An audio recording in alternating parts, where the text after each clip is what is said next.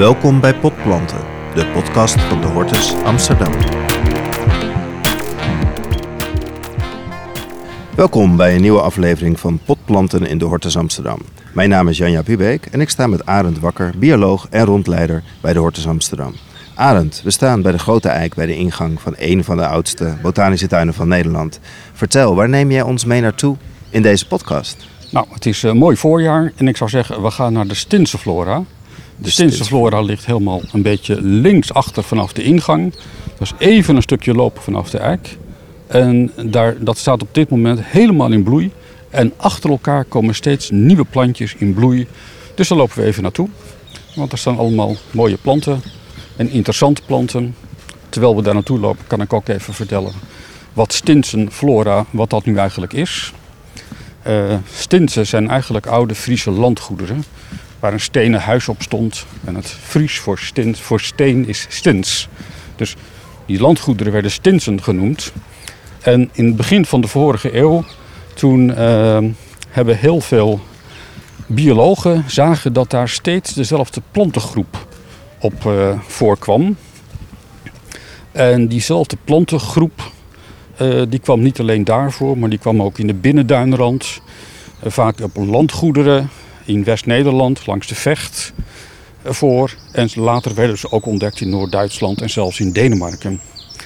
En die groep planten samen noemen we Stinseflora. Nou, die Stinseflora, wat is dat nu eigenlijk? Het zijn eigenlijk allemaal verwilderde tuinplanten. Kijk, nu lopen we al naar de kleurplek. Hier lopen we al langs de eerste holwortel. We nou, zijn voorbij de uh, klimaatkassen. Ja, ja, we lopen hier langs een prachtige beuk. Oh, ik ruik de mahonia al. Daar kunnen we ook nog eens een keertje langs lopen. We horen de vogels in de boom. Het is heerlijk rustig.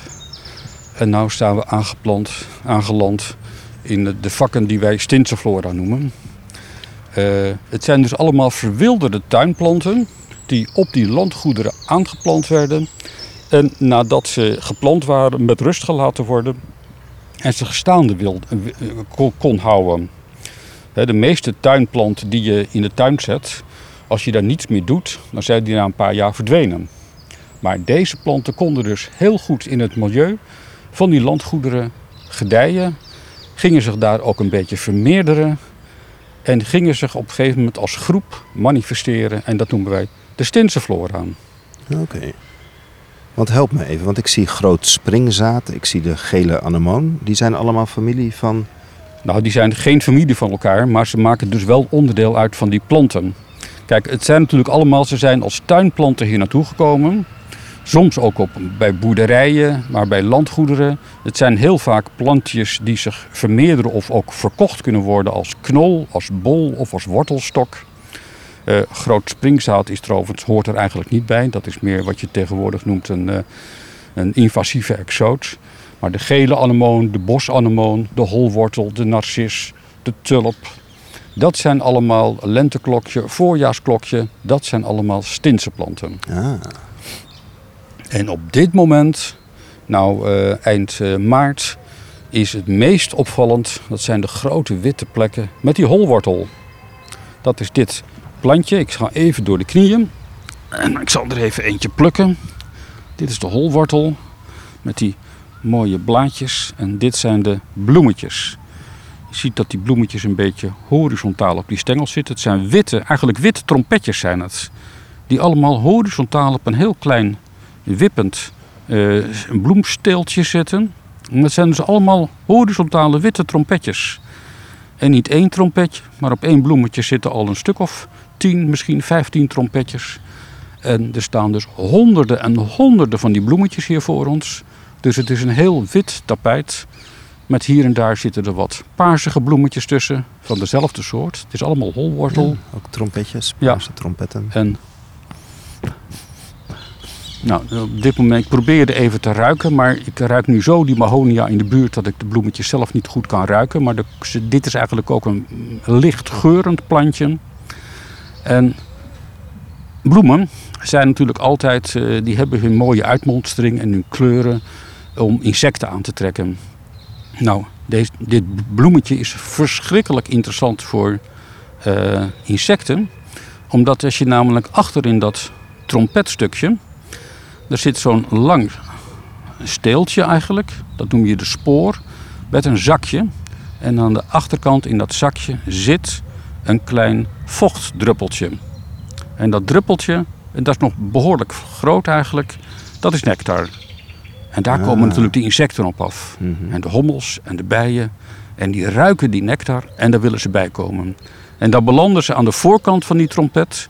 Hè, waar bij ons het geluid uitkomt bij de trompet. Zie je hier het vooraanzicht van de bloem. En dan gaan ze op die onderlip zitten. En dan proberen ze met hun kop naar binnen te duwen. En je ziet al dat je je echt even naar binnen moet wurmen in die bloem. Om uiteindelijk bij het achterste deel van de bloem te gaan komen. Dat is een opgave wat voor elk insect wat bij die nectar wil komen. Eh, nou, voor grote hommels en grote bijen is dat geen probleem, want die hebben ook een hele lange steeksnuit. En die kunnen ze die steeksnuit naar binnen wurmen. En dan komen ze toch helemaal bij dat zakje achter in de bloem. En dan moeten ze toch eh, anderhalve centimeter eh, overbruggen. En dan komen ze bij het nectar achter in de bloem. Maar op dit bloemetje, wat ik nou voor me heb, zie je al dat hier wat gebeurd is. Ja. Want op dat buisje, daar zitten een paar bruine vlekjes. En die bruine vlekjes, dat zijn gaatjes. De meeste insecten die hier rondscharrelen, dat zijn onze honingbijen. Hè, achter in de tuin hebben we namelijk ook een honingraad. Ik ga even weer opstaan, anders Ja, kom ik zo meteen helemaal eh, niet meer eh, naar boven. Bijen vliegen om ons heen. Ja, Eh, honingbijen die hebben namelijk niet zo'n lange steeksnuit. Maar ze ruiken die nectar wel. Dus die vliegen hier rond. En ze zien overal die nectar in die bloemetjes zitten en ze ruiken ze. Maar ze kunnen er niet bij komen. Nou, eh, bijen zijn natuurlijk, eh, ze zijn bij, maar ze zijn behalve bij ook nog slim. Ze zijn vies bij, zou je eigenlijk zeggen. Eh, ze bijten zich een weg naar de nectar. Ja, En dat zijn die gaatjes die je nou in die bloemetjes ziet. En als je goed gaat kijken, zul je zien dat de meeste bloemen aangebeten zijn. Dat zijn dus allemaal inbraakpogingen in die bloem. Door bijen die daar eigenlijk fysiek niet toe in staat zijn om direct bij de honing te komen. Nou, als het niet van de natuur mag, dan gaan we maar tegen de natuur in. Dan bijten ze zich een weg. Ze breken in. Hier is dus op grote schaal ingebroken in de nectarvoorraad van de holwortel. Wauw. Eh, is dat nou vervelend voor die bloem? Nou, het is in ieder geval niet vervelend voor de bij natuurlijk, want die heeft zijn nectar. Maar voor de bloem, die probeert de insecten aan te trekken om de bestuiving, eh, de kruisbestuiving tussen verschillende bloemen van verschillende planten voor elkaar te krijgen. Door nou direct aan de achterkant van de bloem je naar binnen te wurmen, wat die bijen gedaan hebben, komen ze niet bij de meeldraden en de stamper aan de voorkant van de bloem. Ze bestuiven de bloem dus niet. Nee. Dus deze bloemetjes, en deze moeten, voordat ze zaad gaan maken, moeten ze bestoven worden. En zonder bestuiving maken ze geen zaad.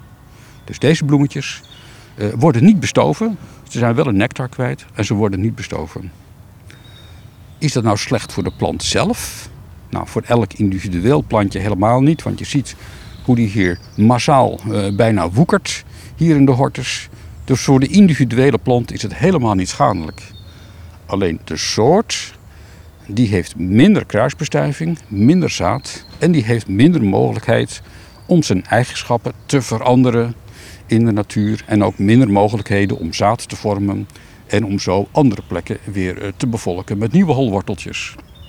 Nou, is de opgave van planten in de hortus natuurlijk niet om alle tuinen in Amsterdam te gaan bevolken met holworteltjes vanuit de populatie in de hortus. Maar, fijn. Dit is dus een mooi verhaal over de interactie tussen plant en insect. Waarbij je van alles kunt gaan afvragen over ja, wat is het nut ervan. Eh, het is in ieder geval een fantastisch mooi voorbeeld van hoe al die organismen in de natuur met elkaar samenwerken, soms tegenwerken. En hoe dan ook van elkaar afhankelijk zijn, van elkaar afhankelijk zijn om, eh, om te leven. Ja, mooi. Ja. En hoe lang eh, bloeit de holwortel? Niet zo lang. Ik denk dat hij nog een eh, drie weken of zo eh, zal die, eh, mooi zijn. Overigens, dit is de holwortel. Zometeen komt nog de voorjaarshelmbloem. Ook op Die deze heeft plek? Ook op deze plek. Die lijkt er sprekend op. En je kunt ze van elkaar onderscheiden door de blaadjes die tussen de bloemetjes staan. Je ziet hier, hier zie je een simpel blaadje. Eigenlijk een heel saai schutblaadje. Dat is van de holwortel. De voorjaarshelmbloem heeft daar een handje in. Met de V van vingers. En als je die vingers ziet in dat blaadje tussen de bloemen, dan is het een voorjaarshelmbloem. Oké. En het andere verschil is, eh, dat zit onder de grond. De holwortel heeft namelijk een hol, eh, een hol eh, knolletje. En de voorjaarshelmbloem die heeft maar een verdikt bolletje, zeg maar. Nou, geen bolletje, een verdikt knolletje waar die uitgroeit. Maar dat zit onder de grond en dat zien we natuurlijk niet. Maar boven de grond zijn ze heel makkelijk te onderscheiden. Holwortel en voorjaarshelmbloem. Voorjaarshelmbloem met de V van vingers. En als je die vingertjes ziet tussen de bloemetjes, dan heb je dus de voorjaarshelmbloem. Ja. En dit is de holwortel. Dit is de holwortel. Ja. Arend, nou weten wij waar wij staan. Maar kan jij nog eventjes eh, aan de luisteraar die zo meteen op zoek gaat naar de holwortel vertellen waar wij staan in de tuin? Nou, je moet in de tuin eigenlijk lopen in de richting van die hele grote palmenkas. Dat is niet die grote moderne kas, maar de oude 18, nou 19e eeuwse kas. 19e eeuws, 1900, eh, 20e eeuwse kas is het eigenlijk. Ja, we zitten nu in de 21e eeuw. Ik haal altijd die getalletjes door elkaar. Het is de, groot, maar de oude, grote ouderwetse kas die links achter in de tuin ligt. Als je daar naartoe loopt, daarvoor heb je nou een heel tableau met allemaal bloeiende plantjes. En dat zijn onze stinsenvakken. Stinsenvakken. Met, Met- de narcissen en de holwortel. En de holwortel. En op dit moment kijken wij uit naar een schitterende magnolia. Ja, die magnolia's staan daar ook mooi in bloei. Dat is een stermagnolia daar. En eh, als we daar omhoog kijken, zie je daar ook die grote, prachtige, grote magnoliaboom. We hebben hier allemaal magnolia's. Meest zijn het Amerikaanse magnolia's.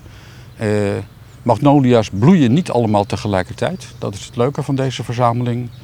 En eh, we hebben ook kleine magnolia's en grote magnolia's. We hebben zelfs hier een magnolia met de grootste bloem van de magnolia's. Eh, daar is nu op dit moment nog helemaal niets te zien aan de, aan de boom. Dat is natuurlijk wonderlijk, want je ziet hier nou die bomen met allemaal knoppen en die staan volop in bloei. Maar er staat tussen staat ook nog een boompje met hele rare eh, kale takken. En dat wordt onze magnolia grandifolia, of is het grandiflora. En daar komen hele grote bloemen aan. En ook hele grote, tot wel een halve meter lange bladeren aan. Oh, maar dat is aan het eind van de zomer. Dat is aan het eind. Daar gaan we een aparte podcast over Dat is een apart, ja. Ja. Voor de luisteraars die de holwortel willen bezoeken, kom naar de Hortus. En kom hem achter in de tuin voor de 20e eeuwse palmenkas aanschouwen. En op dit moment kan je er ook nog een mooie bloeiende magnolia bij zien. ja. Eh dankjewel Arend voor deze podcast. En eh, op weg naar een volgend gesprek. Die te luisteren valt via iTunes en Spotify. En voor meer informatie verwijzen we jullie naar www.hortus.nl.